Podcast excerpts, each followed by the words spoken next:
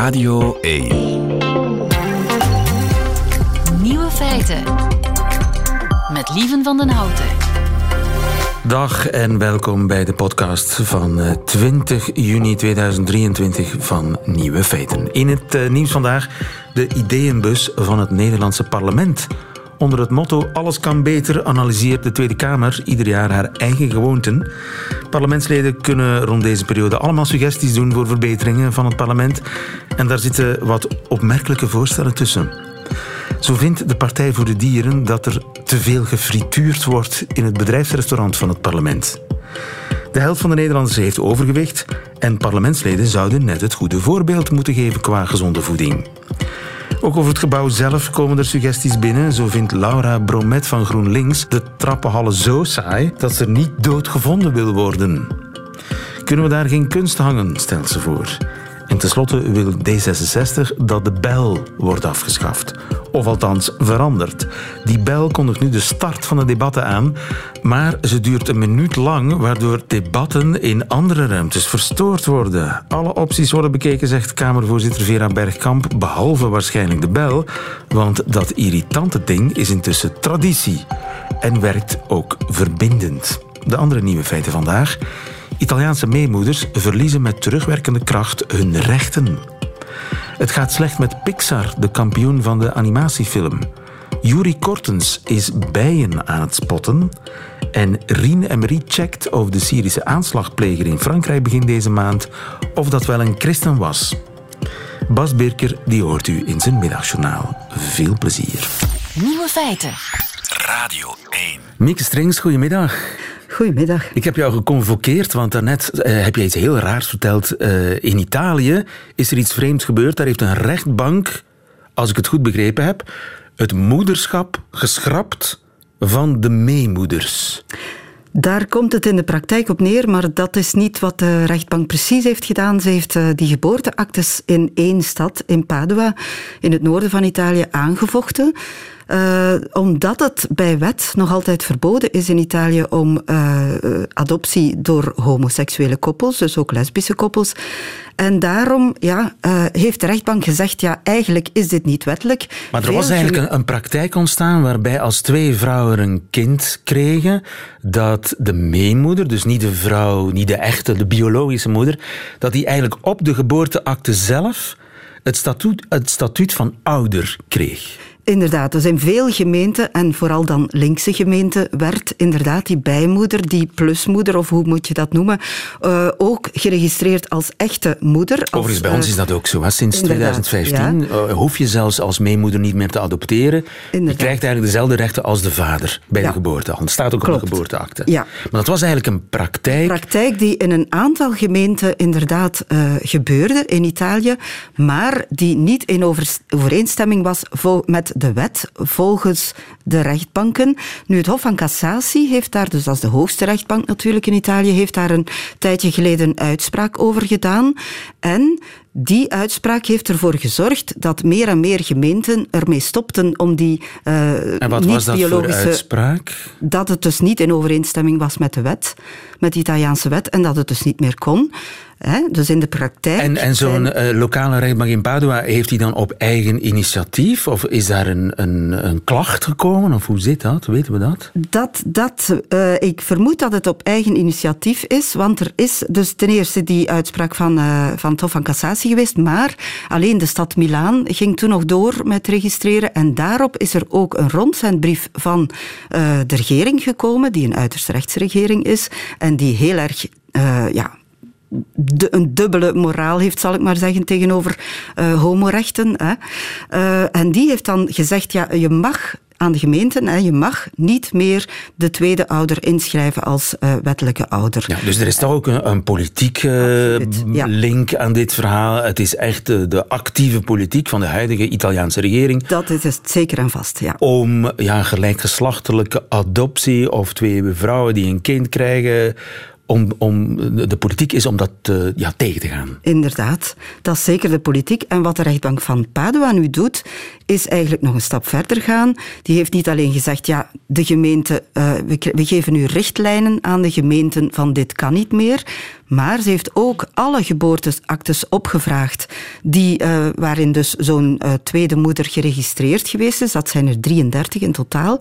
En heeft gezegd, ja, de richtlijn is, dit is niet wettelijk, dus deze geboorteactes zijn eigenlijk niet wettelijk. Met terugwerkende kracht, dus dat betekent dat kinderen van vijf, van, van zes zelfs intussen al, dat die plotseling officieel met één van hun beide ouders niks meer te maken hebben. Inderdaad. En uh, de krant Repubblica in Italië heeft een interview vandaag met zo'n ouderpaar. Uh, twee moeders. De biologische moeder heeft een hersentumor en ja, vreest dat dat fout zou kunnen aflopen natuurlijk. En van de ene dag op de andere heeft dat kind geen tweede moeder meer. Als die uh, biologische moeder sterft, heeft het kind eigenlijk geen ouders meer. Terwijl het toch wel zes jaar lang, want het kind is zes jaar, uh, beide moeders als officiële ouders heeft gehad. Dus kinderen dus, kunnen in de problemen komen daardoor. Absoluut, ja. ja. Dus dat is wat er nu gevreesd wordt. En dat is ook uh, de reden waarom dit zo'n belangrijk precedent is. Er wordt ook gedacht, ja, waarschijnlijk gaan heel veel ouders dit proberen aan te vechten. En uh, dit zal zeker niet de laatste rechtszaak zijn die hierover gestart wordt. Dus dit wordt een belangrijk precedent. Ja. Gaan ook misschien andere rechtbanken uh, deze, deze stap van de rechtbank van Padua volgen in Italië? Want er zijn natuurlijk regio's en gemeenten waar ook een uiterst rechtsbestuur aan de macht is en waar er misschien iets meer uh, proactief uh, de politiek van, van, van die partij toch wel, of van die partijen uh, zal worden doorgevoerd. Dus dat zijn allemaal vragen die er nu zijn en die toch wel ja, heel veel onduidelijkheid scheppen en die natuurlijk ook voor, vooral voor die ouders en kinderen uh, bijzonder veel gevolgen kunnen hebben. Ja, want bijvoorbeeld ook ouders gaan uit elkaar en de, de biologische moeder beslist dat de andere niks meer met dat kind te maken heeft, geen bezoek krijgt, krijgt en dat soort dingen. Dat kan allemaal. Dat kan in theorie allemaal, maar natuurlijk, zolang uh, dit, die registratie van de gemeenten ja, eigenlijk niet in overeenstemming is met de wet, volgens de uitspraak van het Hof van Cassatie, ja. ja blijft er eigenlijk altijd een grijze zone. Maar zo'n wetsverandering zit er nu, niet die in. Die wordt nu duidelijker uh, afgebakend, denk ik, door, dit, door dit, uh, ja. deze demarche dus van, de, van de rechtbank. Er is een grijze zone die aan het verdwijnen is en ja, de, het, het, het kan gewoon niet. Dus, en het feit dat er in de toekomst snel een soort adoptieregeling zal komen voor kinderen van gelijkgeslachtelijke ouders, dat, uh, dat zit er niet in. Dat zit er met deze regering zeker en vast niet in. En natuurlijk, het belangrijke is dat het vooral voor die kinderen die al wel geregistreerd waren met beide ouders, dat er nu eigenlijk ook iets dreigt te veranderen. En dat was tot nu toe niet wat de regering had gedaan. De regering had gewoon verboden om nog nieuwe registraties van ja. homoseksuele ouders te doen. Dus, dus die kinderen staan in de kou. En dat in de Europese Unie, hè, in een van de belangrijkste landen van de Europese Unie. Inderdaad een van de, van de stichtende landen, denk ik, toch wel van uh, de Europese Unie. Pijnlijk. Dankjewel, Mieke Strings. Goedemiddag.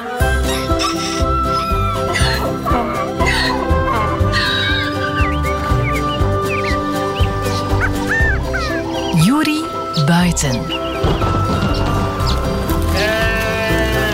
Met Juri Kortens. Ja, Juri hebben we buiten gestuurd, maar hij vindt het niet erg. Integendeel, Juri Kortens, goedemiddag. Integendeel, goedemiddag. Juri, wat ben je aan het doen vandaag ja. in het vrije veld? Ja, het vrije veld is gewoon mijn voortuin.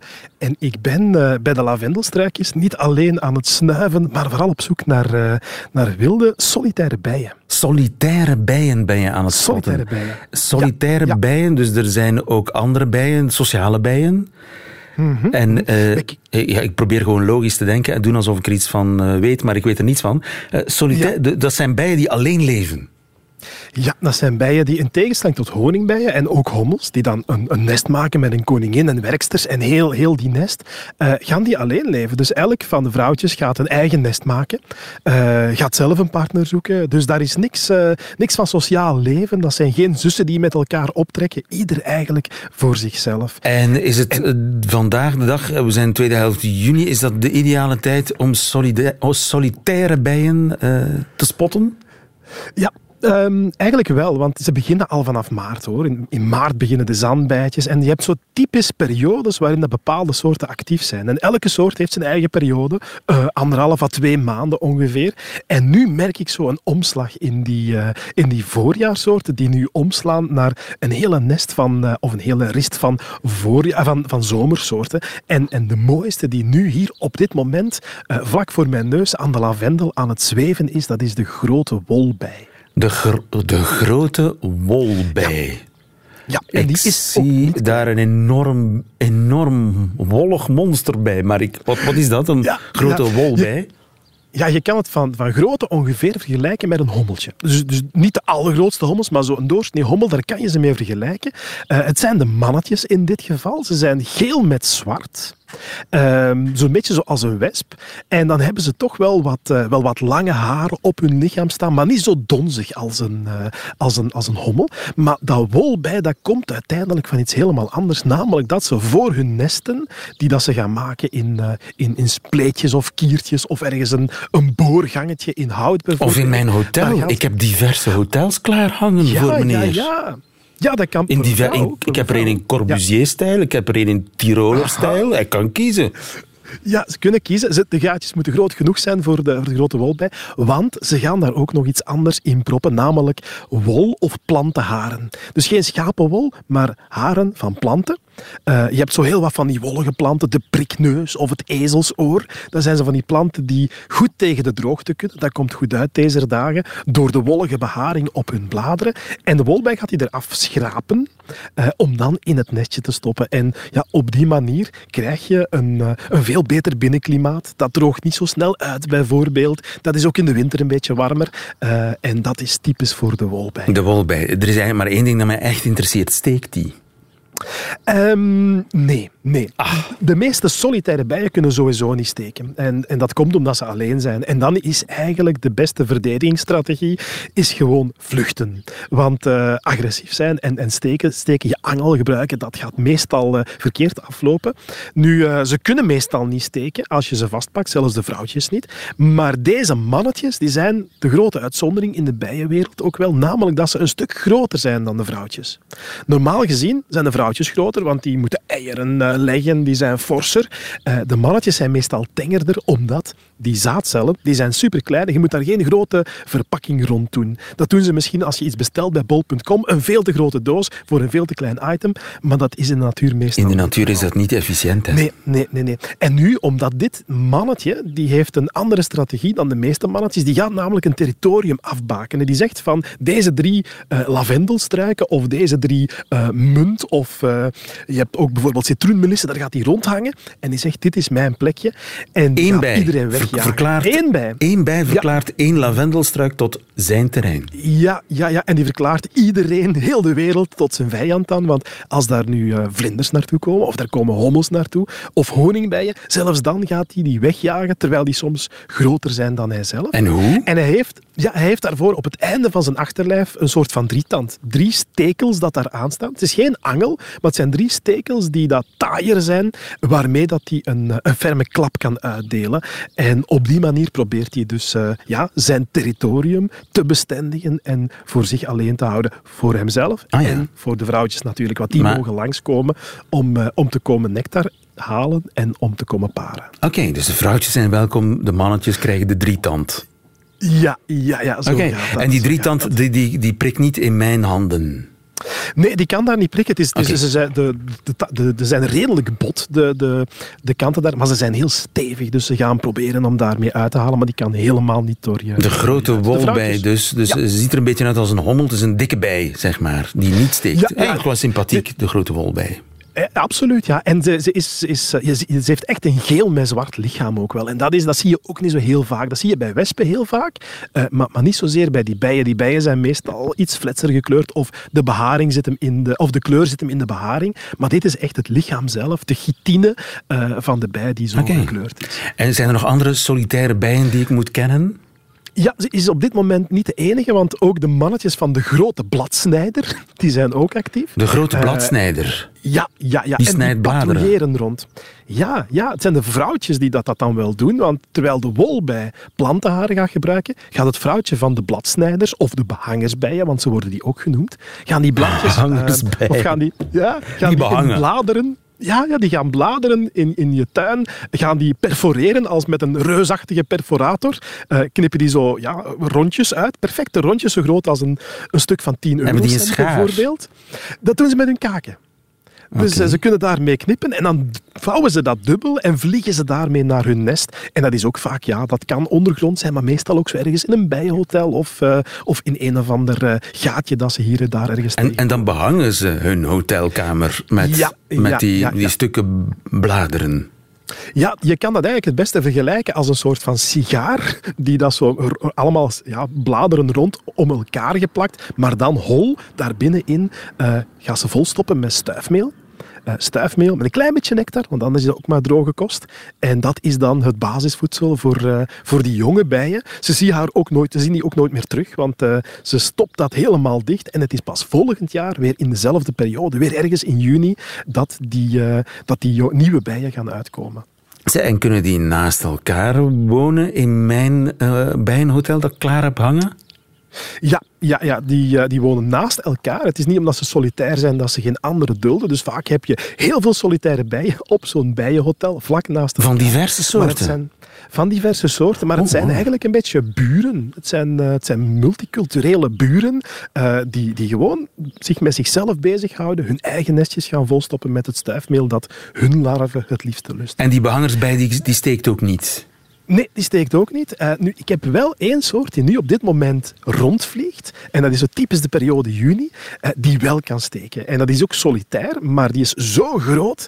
eh, die is ja, tot, tot, tot bijna drie centimeter kan die groot worden. Drie Dat is echt, centimeter? ja, dat is een ja, ja, monster. dat, is een monster. Die is helemaal glanzend zwart met een soort van blauwe schijn over, een blauwe ertsschijn. Ook de vleugels zijn, zijn donker getint. Ik heb die Dus nog je nooit gezien. van, wow, die Wel, die is wel redelijk zeldzaam. En ze heeft een prachtige naam. Ze heet de blauw-zwarte houtbij. Eh, en het is een soort die uit het zuiden komt. Dus die, eh, die vind je vooral in Frankrijk. Daar kom je die echt wel heel regelmatig tegen. Maar de voorbije 10, 15, 20 jaar zien we die opschuiven. Eh, en als we nu in Vlaanderen rondkijken waar ze het meeste uithangen, dan is dat zo ja, de, de, de, de, de zuidelijke grenzen. De regio Kortrijk bijvoorbeeld. Dat is zo een, een regio waar er vaste populaties zitten. En voor de rest is dat een zwerver die met, eh, met de warme zuidenwinden mee naar het noorden komt. En die kan in heel Vlaanderen worden gezien. Maar eh, ja, ze is, ze is nog sowieso redelijk schaars of redelijk zeldzaam. Ja, maar die kan wel eh, agressief zijn en die kan steken. Agressief niet, eh, maar als je ze vastneemt, dan ga je, gaan ze wel kunnen steken. En ik heb het zelf nog niet getest, voor alle duidelijkheid, maar ik heb een van mijn cursisten gehad ooit, die zei van, ja, ik geloofde het niet echt dat ze kon steken. Ik heb het geprobeerd en eh, Ze kan het. wel. Dus eh, ik vind dat heel fijn. En het doet geen deugd. Maar, maar als, als je niet achter zelf niks doet, dan doet zij ook niks. Nee, helemaal niet. Ze blijven rondhangen. Ze zoomen enorm. En eh, zeker voor mensen die bijvoorbeeld reukerwten of, of latirus, eh predelatirus hebben staan in de tuin, zeker goed in de gaten houden, want dat zijn zo de favoriete voedselplanten van zo'n blauw-zwarte houtbij. En als je ze dan tegenkomt, dan eh, ga je dat misschien best heel even melden op waarnemingen.be. Dan weten wij ook meteen al waar al die eh, houtbijen uithangen. Ja, en hoe zit het nu intussen bij jouw lavendelstruik? Is daar veel activiteit? Daar is heel veel activiteit. Er zijn, er, ik heb zo zeven, acht lavendelstruiken staan. Er zijn drie mannetjes die dat proberen eh, onder elkaar te verdelen. En dan, Oorlog. ja, dat is echt oorlog. Soms komen ze een beetje te ver naar de volgende en gaat hij erachteraan. Het is echt heel komiek om in de gaten te houden. Ik wens je nog heel veel plezier bij. Juri Kortens, dankjewel en tot volgende week. Tot volgende week. Nieuwe feiten. Het gaat slecht met Pixar, de animatiestudio, bekend van Toy Story en Finding Nemo. Toch eh, klassiekers, lieve trio. Goedemiddag. Goedemiddag, lieve. Lieven, onze filmkenner. 75 werknemers ontslagen bij Pixar. Dat is nog nooit Ja. gebeurd, zo'n grote ontslagronde. Wat is het probleem? Ja, het was toch al eventjes geleden dat ze daar nog mensen moesten laten gaan. Ehm, het probleem ligt bij Disney. Uh, je kan ook zeggen, er is een groter probleem in de filmwereld, is ook zo. Maar uh, bij Disney, het moederbedrijf van Pixar, die uh, hebben ze gekocht in 2006. Daar wordt een besparingsronde doorgevoerd van 5 miljard euro. En daarin, in dat plan, past dus ook een ontslagronde van 7000 werknemers bij Disney. En die zijn dus ook, dat, dat druppelt dus ook door bij Pixar. Er zijn 75 mensen ontslagen. En wat is het probleem bij Disney? Ja, het is een algeheel probleem in de filmwereld een beetje. Uh, iedereen zoekt uh, naar kostenbesparingen, um, omdat de inkomsten dus ook uh, wat minder zijn op sommige vlakken. De pandemie zit daar voor een heel groot stuk tussen natuurlijk. Hè. Um, de, ja, er moeten gewoon kosten bespaard worden, zoals op veel andere plekken. En heeft dat te maken met een terugval in de bioscopen zelf? Mensen gaan niet meer naar de bioscoop? Zeker wel. Ja, dat, daar heeft de pandemie dus heel veel in uh, veranderd. En uh, ja, al zou je ook kunnen zeggen dat uh, Disney daar zelf misschien ook wel een beetje mee schuldig aan is. Al is schuld natuurlijk een groot woord. Maar er is tijdens die pandemie een verschuiving geweest richting streaming. Dat was een, een, een ergens een logische keuze, omdat het cinemas dus ja, ofwel dicht waren ofwel veel minder mensen trokken. Maar ze hebben toen ook wel gekozen om hun eigen streaming service veel meer te gaan benadrukken en in te zetten op mensen lokken naar, die, naar dat Disney, Disney Plus platform. En daar heeft bijvoorbeeld Pixar ook wel de gevolgen van gevoeld. Ja, maar dan is er toch iets mis met het businessmodel. Want als Disney zelf op streaming inzet. en als dat dan een succes blijkt te zijn. Uh, dat het resultaat daarvan is dat mensen ontslagen moeten worden. Ja, zo uh, goed ken ik natuurlijk de businesscijfers van Disney ook niet. Uh, maar het gaat ja, om, de, om de perceptie toch ook voor een stuk. Hè. Als je bijvoorbeeld kijkt naar die films van Pixar, vroeger waren dat evenementen. Uh, mensen gingen naar de bioscoop om de nieuwe Pixar te zien. en en ja, Pixar blijft natuurlijk nog altijd wel een grote naam, een, een, kwaliteitslabel zou je kunnen zeggen. Maar dan tijdens die pandemie is er beslist om de nieuwe films van Pixar niet meer in de bioscoop uit te brengen en ze rechtstreeks naar Disney Plus te brengen. Um, dat is een experiment geweest eh, dat ze ook wel best lang hebben volgehouden. Drie films lang. Dus je had Soul, uh, Luca en um, uh, die film van Domichi, Turning Red bedoel ik. Die zijn niet in de bioscoop uitgekomen. Nu, dat heeft wel gevolgen. Um, ik snap ergens waarom ze het deden. Anderzijds, het devalueert ook een beetje die films hè, van, van Pixar. Als je zegt van kijk, die films, daar hoef je nu niet meer voor naar de cinema. Die gaan we gewoon in jouw huiskamer droppen. Net uh, als een hele hoop andere content, zoals dat dan met een lelijk woord heet. Dan is het ook moeilijk om daarna nog de omgekeerde beweging te maken, denk ik. Juist, ja. uh, als mensen dat gewend geraakt zijn van ja, die nieuwe Pixar-film, ja, die komt wel gewoon naar ons toe. Daar, blijven, daar komen we ons huis niet meer voor uit. Dan is het moeilijk om later weer te gaan zeggen ja, nu moet je dat toch weer in de cinema gaan bekijken. Ja. Dus en, en daardoor denk... het een beetje zijn evenementwaarde, verliest een beetje zijn urgentie. Ja, dat denk ik toch ook. Dat is moeilijk hard te maken, maar zo voelt het toch alleszins. Uh, de, dat, dat bleek bijvoorbeeld ook uit de laatste uh, Pixar-film die uh, uitkwam vorig jaar. Lightyear was dat. Een, een soort spin-off van het Toy Story-universum over de astronaut die de pop Buzz Lightyear had geïnspireerd. Een beetje een gekke constructie, maar dat was de insteek. die film heeft het geweldig slecht gedaan in de cinema. Dus die mocht wel weer in de cinema uitkomen, omdat de pandemie op dat moment toch wel stilaan ja, in een minder urgente fase was gekomen. En die film heeft het naar Pixar-normen zeer slecht gedaan. En lag dat aan de film? Voor een stuk zou dat kunnen, want het was zeker niet hun beste film. Um, maar ja, ik, volgens mij speelde daar ook wel een beetje wat ik daarnet uitlegde. Dat ja, die, die devaluering toch van, van de, het prestige of de, de gewoontes die veranderd zijn. Van, je hoeft ja. nu niet meer naar de cinema voor een Pixar-film. En voor de nieuwe film Elemental, die morgen uitkomt, uh, ziet het er als de voorspellingen kloppen ook niet geweldig rooskleurig uit. De, de voorspellingen zijn dat hij tussen de 35 en de 40 miljoen dollar zou ophalen in zijn openingsweekend. Dat is veel geld, maar um, ja, dat is eigenlijk nog minder dan Lightyear bij de release vorig jaar in zijn openingsweekend haalde. En dus dat, dus dat belooft dan ook dat de, de, de, totale opbrengst misschien ook niet zal zijn wat het moet zijn. Dus dat is ja. geen goed nieuws. En zijn die, die nieuwe films op de goedkoop gemaakt? Helemaal niet. Nee, nee. Ah. die zijn nog altijd gemaakt volgens de, de oude uh, budgetten, laten we zeggen. Dus uh, ja, heel vaak toch in de buurt van 200 miljoen dollar. Dat is extreem veel geld. Maar vroeger, uh, in, in de hoogdagen van Pixar, stond, dat, stond daar ook altijd een heel hoge winst tegenover. de laatste Toy Story film, Toy Story 4, die haalde, pre-pandemie is dat, hè, dat is 2019 geloof ik, die haalde nog bijna een miljard euro opbrengsten. dus dat is heel veel. The, Incredible, The Incredibles 2 haalde 1,2 miljard euro, geloof ik. Dus ja, als je die grote budgetten kan je dan wel leggen als je zo'n uh, zo'n opbrengst daaruit haalt. Dus dat was tot nu toe altijd het model. Dure films, maar ook heel hoge opbrengsten. En daar lijkt nu dus iets aan te haperen. En dan is de vraag, kunnen ze blijven Hoe lang houden ze dat nog vol? Of niet, ja. Ik ben benieuwd. Uh, Elemental, de film, komt uh, morgen uit. De nieuwe Pixar. Een goede film. Je hebt hem al gezien. Ja, dus aan de film ligt het niet. Nee, het is ook weer een originele film. Uh, ze, ze boeten zeker niet in qua originaliteit, heb ik het gevoel. Ze zijn een beetje terug afgestapt, of toch eventjes van die heel veel sequels die ze een tijd lang hebben gemaakt. Uh, het zijn weer originele ideeën. Er komen natuurlijk ook wel sequels aan, hè, maar uh, toch nu toch al een heel aantal ja, originele films weer uitgebracht die nog altijd mooi zijn, vind ik. Ja, dus ik zou nog altijd zeggen naar de bioscoop gaan voor die nieuwe Pixar. Ik zal het doen. Elemental moet Pixar redden. Benieuwd hoe het afloopt. Dankjewel, lieve trio.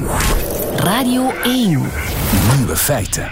Wie is toch de man die begin deze maand in Annecy in Frankrijk zes mensen neerstak met een mes? De Franse justitie zegt dat het om een Syrische christen gaat uit Zweden. Maar online circuleert er een heel andere theorie.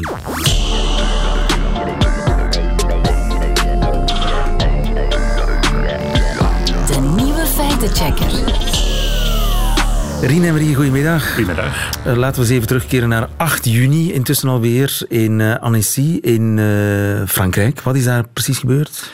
Wel, er doken beelden op van een man die met een mes op een ehm, speelterrein in een park vier kinderen en twee volwassenen neersteekt. Zeer gruwelijke beelden, dat was een groot nieuws toen. Al zijn we het misschien vergeten al, twee ja, weken geleden. En de man is gearresteerd? Hij is meteen gearresteerd en er was ook een persconferentie van het, van het Franse gerecht die hem uh, identificeerde. En ze, ze, ze, vertelden daar, zijn naam is Abdelmassi, dat is zijn voornaam, een H, punt, was zijn achternaam, vermelden ze. En het is een christen uit Syrië, die vanuit Zweden gekomen is, waar hij tien jaar geleden al asiel had gekregen als vluchteling. Maar die dus uh, verzeild was in Frankrijk en daar deze aanslag had gepleegd. Een aanslag, of ja, de dader was van, wat er, van die steekpartij. Een Syrische christen met een vluchtelingenstatuut in Zweden. Ja, klopt. Nu wordt daar aan getwijfeld of dat wel klopt. Dat is zo. Um, op, het, op sociale media circuleren andere theorieën. Namelijk, die man zou een valse identiteit hebben. Hij zou helemaal geen christen zijn. Hij zou ook helemaal niet Ab Abdelmasih heten, maar hij zijn echte naam zou Selwan Majd zijn. En hij zou een moslim zijn en geen christen. Dat wordt beweerd en dat wordt ook volop gedeeld door politici uit onze parlementen. Onder andere Sam van Rooij van Vlaams Belang heeft gezegd van nee, die man is eigenlijk helemaal geen christen. was stiekem een, een moslim die Salwan Majd heet. Oh, en die is dan onder een valse naam en een valse identiteit in Zweden ja. geregistreerd. Er zit een heel verhaal achter waar zo gezegd hij met valse papieren was vertrokken, had zogezegd getrouwd met een, met een Zweedse toeriste die hij had ontmoet in Turkije. Uh, die, er was zogezegd ook zijn, uh, zijn nationaliseringsaanvraag in Zweden was dan geweigerd geweest, omdat ze ontdekt hadden dat hij een valse naam gebruikte. En daarom was hij vertrokken naar, naar, naar Frankrijk en had hij daar een aanslag gepleegd. Uh, en uit de... Dat zijn bedrog was ontdekt in Zweden? Ja, zogezegd. Dat, was, dat, dat, dat is de versie die circuleert en die dus geretweet werd. Door, Waar komt die versie dan vandaan? Wel, Um, het artikel dat Sam van Rooij retweette kwam van Jihad Watch. En dat is een nogal uiterst rechtse islamofobe blog van een Amerikaan. Maar zij baseerde zich op iets anders, namelijk een blogartikel van Résistance Républicaine. Ook een zeer islamkritische blog. Die hielden nog een beetje een slag om de arm. Zeiden van ja, we hebben dit gehoord, we hebben dit opgevangen. En men maar dat is de erbij... oorspronkelijke, die, die Franse groep. Ah, wel, zij, zij zeggen van we hebben dat gewoon gehoord uit, de, uit de, de hoek van Syrische christenen. Die beweren van nee, nee, dat is niet iemand van ons. En dat klopt ook. Er zijn heel wat filmpjes van mensen uit de Syrisch-christelijke gemeenschap, Iraaks-christelijke gemeenschap, orthodoxe christenen daar, geen katholieken zoals bij ons, die zeggen van nee, nee, nee die man, we kennen die niet, die hoort niet bij ons. Beweert men. Maar men haalt er niets van bewijs voor aan. Maar dus het, het bronartikel in deze, zeg maar... Komt uit Frankrijk. Komt uit Frankrijk en zij citeren een ja, roddel, mag ik ja, zeggen. Iets waar niets, waar niets van bewijs voor bestaat. En het ik kan dan vragen van ja, welke versie klopt. Huh? Ja, om te beginnen, welke versie klopt? Om te beginnen, um, de Zweedse overheid en de Franse overheid zeggen allebei van nee, zijn naam is wel degelijk Abdelmasih Aha en hij is, uh, hij is wel degelijk een christen uit uh, Syrië. Dat klopt, dat is, gewoon, dat is gewoon zo. Er staan allerlei details in dat verhaal die niet kloppen en die je kan verifiëren, dat die zeker niet juist zijn. Welk Bijvoorbeeld. Dat, dat, uh, dat, dat hij geen christen zou Dat hij geen christen zou zijn. Hè? Okay. Um, hij zou zogenaamd getrouwd zijn met een Zweedse toeriste. Dat was niet zo. Hij was getrouwd met een, ook een Syrische vluchteling die samen met hem naar Zweden is gegaan. Daar zijn ze getrouwd. Voor trouwens de orthodox-christelijke kerk. Daar is zelfs het, het uh, huwelijkscertificaat al van verschenen op sociale media. En dat is een echt certificaat. Ja, ja, dat is een echt certificaat. Absoluut. En... Um, dus het was geen Zweedse toerist, het was iemand die ondertussen ook de Zweedse nationaliteit heeft gekregen. Zij woont nog altijd in Zweden, men heeft haar geïnterviewd. Zij is ook een Syrische christen. Journalisten in Frankrijk zijn gaan praten met haar familie in Syrië, met de familie van Abdelmasih, de dader, ook in Syrië, bleken allemaal inderdaad Syrische christenen te zijn. Dus dat is het eerste verhaal dat niet klopt. Ook het feit dat ze zijn nationaliseringsaanvraag zou geweigerd zijn omdat men zijn valse naam zou hebben ontdekt, klopt niet die is inderdaad geweigerd, maar dat was omdat hij actief was in het uh, leger, de nationale garde van Syrië onder Assad. De dictator Assad in Syrië. En in Zweden kan je geen Zweedse nationaliteit verkrijgen als je ooit in een halve in een groep hebt gezeten die beschuldigd wordt van terreur, van uh, martelingen, uh, oorlogsmisdaden, etc. Zoals het geval is natuurlijk voor het Syrische nationale leger. Um, dat was de reden. Ja, en dus daarom is hij naar Frankrijk gegaan en daarom was hij boos. Hij was, hij was uh, verontwaardigd dat hij zijn nationaliseringsaanvraag daar afgewezen is en is hij naar Frankrijk en zelfs ook naar Zwitserland en naar Italië gegaan om nieuwe asielaanvragen in te dienen, wat natuurlijk niet nodig was, want hij had al asiel gekregen in Zweden, alleen niet de Zweedse nationaliteit. Tegelijkertijd kampte hij met psychische problemen. Hij is ook nu opgepakt natuurlijk en dan overgebracht naar een psychiatrisch ziekenhuis voor uh, observatie. Dus daar zit van alles achter, alleen niet het verhaal dat hij stiekem een soort islamistische sleepercel zou zijn die tien jaar lang zich voordeed als een christen en dan opeens plotseling een aanslag pleegt. Ja. En het allerbelangrijkste is misschien wel, tijdens die aanslag, de beelden bestaan ervan, zie je hem het kruisje rond zijn nek vastnemen en tweemaal luid roepen, in the name of Jesus Christ. In het Engels? In het Engels, want hij sprak Engels. Ja. Um, dus ja, ook christenen kunnen ontsporen. Ook christenen kunnen ontsporen en kunnen uh, aanslagen plegen. Al moeten we natuurlijk niet meteen met de vinger wijzen naar godsdiensten hier. Als het, nee, het gaat om mensen. Voilà. Maar men is dus ja, een onbereidheid om te geloven dat het in dit geval geen islamistische terreuraanslag zou zijn. Dat is, dat is, dat is, wat motiveert om, om dat verhaal te delen van het is een stiekeme, een stiekeme moslim. Licht gebracht in de duisternis, waarvoor dank Rien en Marie. Goedemiddag. Nieuwe feiten. En dat waren ze meteen de nieuwe feiten van vandaag, 20 juni 2023. Alleen nog die van Bas Birker, die hoort u nu in zijn middagjournaal. Nieuwe feiten. Middagjournaal.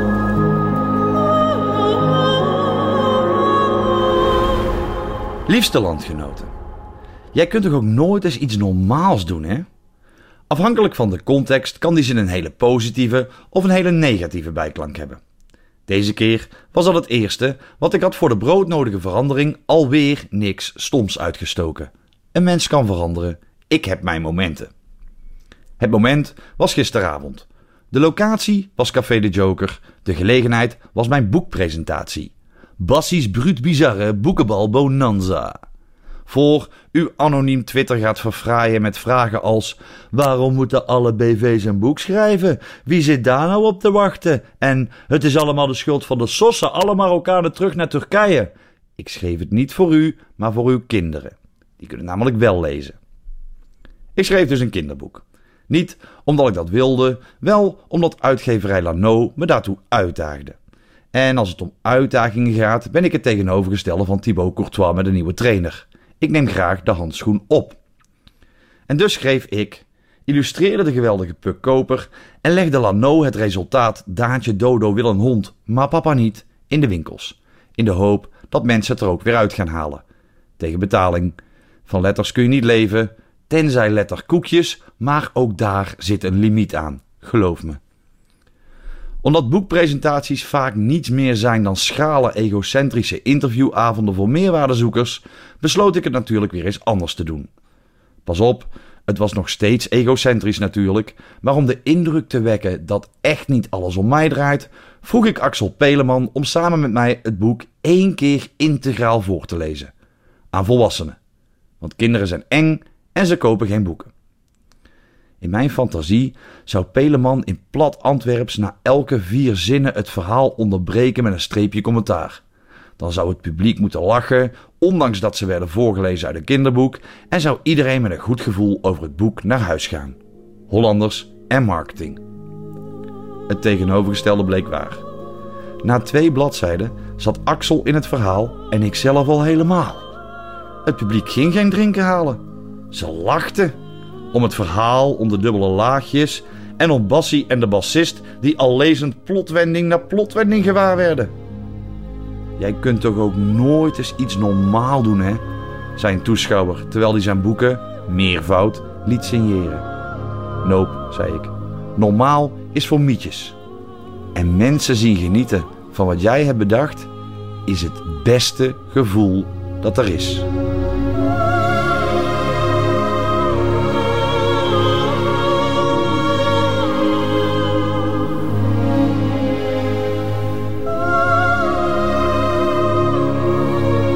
Middagjournaal met en van Bas Birker, schrijver slash comedian. Einde van deze podcast hoort u liever de volledige nieuwe feiten met de muziek erbij. Dat kan natuurlijk elke werkdag tussen 12 en 1 op Radio 1 live, maar ook on demand via de Radio 1 app of website. Tot een volgende keer.